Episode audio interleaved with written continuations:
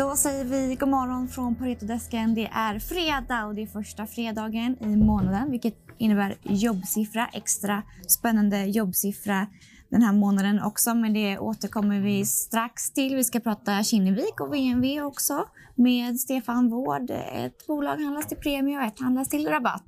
Mm. Så det är spännande att höra mer om det, men vi börjar i vanlig ordning på Wall Street som stängde på plus igår med energisektorn i topp. S&P 500 stängde på plus 0,28 procent av plus 0,37 procent. Eh, cykliska bolag gick starkt och energi stängde upp plus 2,53 procent. Industrials gick också starkt och Healthcare gick också starkt. Idag är det som sagt första fredagen i månaden, alltså jobbfredag. Det innebär att vi får amerikansk jobbdata och eh, augustisiffran blir extra intressant. Det blir den mest spännande jobbsiffran i år eftersom att det är sista jobbsiffran innan Fed-mötet. Blir det en för bra siffra så är risken att Fed tidigare lägger tapering. Men blir det en för svag siffra så är inte det heller bra för det indikerar att vi har en svagare ekonomi. Konsensus ligger på 750 000 nya jobb. Så blir det en betydligt högre siffra än det så kommer Fed troligtvis på Fed-mötet i september att vilja ha en mer aggressiv tapering. Men en svag siffra kan innebära att eh, tapering-förväntningarna flyttas till nästa år. Powell pratade ju på Jackson Hole-mötet förra veckan om tapering, att det är på gång, men han sa inte när.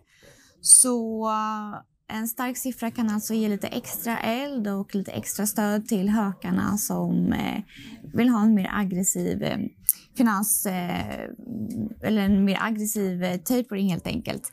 Konsensus är att tapering startar i november, december och att eh, QE stannar till mitten av 2022. Men hökigare Fed-ledamöter kommer alltså vilja ha en mer aggressiv tapering om jobbsiffran är stark.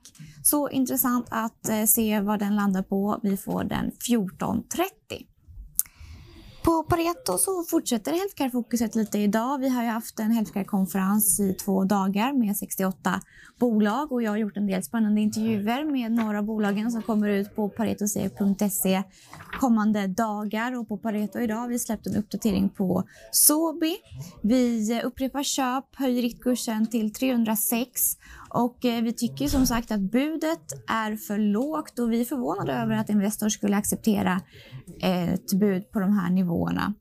Men vi får återkomma i den frågan för nu ska vi prata VNV och Kinnevik. Stefan Wård har inte pratat om de här bolagen sedan i våras så det är hög tid för en uppdatering. Ja, exakt. Nej, vi har inte pratat om dem. Men vi har... Du har pratat om det. Pareto har pratat om det, men inte vi på, på Pareto-desken. Exakt. Så om vi har tittat lite hur Kinnevik ser ut, stängde igår på 346,50. Det motsvarar en premie på 25 procent. Eh, olistade tillgångar är 38 procent av navet i Kinnevik. Lägger man den här premien till de olistade tillgångarna så är, motsvarar det en, en 65 i premie på olistat. Eh, det här tycker vi är dyrt, eller högt. Ser ingen direkt uppsida i det. Vi noterar att Kinnevik under våren har justerat upp värdet på healthcare-delen av de olistade tillgångarna som är, det är den stora drivaren här eh, i, i Kinnevik. Och eh, healthcare står för ungefär eh, eh, 60 procent utav de olistade tillgångarna. Eh, så, så vi kan återkomma till det. Discount, eh, eller förlåt, premie i Kinnevik 25 procent. Om vi istället jämför med VNB som igår stängde på 101,6 eh, rabatt mot navet på 18 procent. I VNB så är ungefär 90 procent av tillgångarna olistade och Babylon är den största tillgången. 27 procent av totalt NAV och 30 procent av, alltså en tredjedel av, av eh, de olistade tillgångarna. Mm. Eh, och det här får man då till en, en discount på, på ungefär 20 procent. Så det är det vi ställer emot varandra. 20 procent discount i VNB, 65 procent premie på de olistade tillgångarna i Kinnevik. Mm. Eh, det är helt klart i favör för att köpa VNB. Eh, Kinnevik, vi gillar det som bolag eh, som bekant och sådär, mm. men jag tror att aktien kan eh, fortsätta att komma ner där. Jag skulle bli köpare Kinnevik någonstans med kring 300-nivån skulle jag säga. Vi har ju en riktkurs på 318 så mm. vi behöver lite potential mot den då. Men de här 318 som vi har, det motsvarar en, en premie på de olistade tillgångarna på 25 procent. Mm. Så det är så vi ser på, på situationen i Kinnevik och. Då. Mm.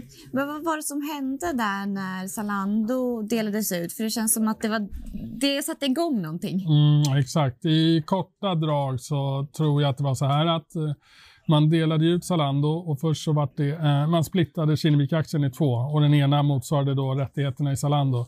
Och då finns det, det kan vara fonder som bara ska äga investmentbolag eller investerare som bara vill äga investmentbolag som säljer sin Zalando-utdelning, tar de eh, pengarna och investerar tillbaka dem i Kinnevik. Mm. För Kinnevik gick väldigt starkt från mitten av maj där. Det här gick i effekt då, den här splitten den 17 maj. Mm. Eh, sen dess fram till, jag tror det var mitten av juli kanske, så gick, eh, performade Kinnevik eh, grymt starkt. Mm. Och premien drog iväg då. Så mm. den, man hade haft ett okej okay år innan, year to date, men det här eh, extra teknikaliteten eh, boostade premien i Kinnevik lite, lite, lite extra. Då. Mm. Och det ser vi som en outlier eller en onormal händelse som kommer reversera tror vi. Mm. Så vi har alltså köp på VNV och behåll på Kinnevik. Sätter man dem till, i relation till varandra tycker vi absolut att det är VNV man ska välja. Ja, i, i, som det ser ut just nu så ska man mm. köpa, köpa VNV och sälja Kinnevik i princip. Mm. Tack så mycket Stefan. Tack. Ha en trevlig helg. Jobbsiffra 14.30, glöm inte det. Man lär nog inte missa det tror jag inte. Nej. Tack.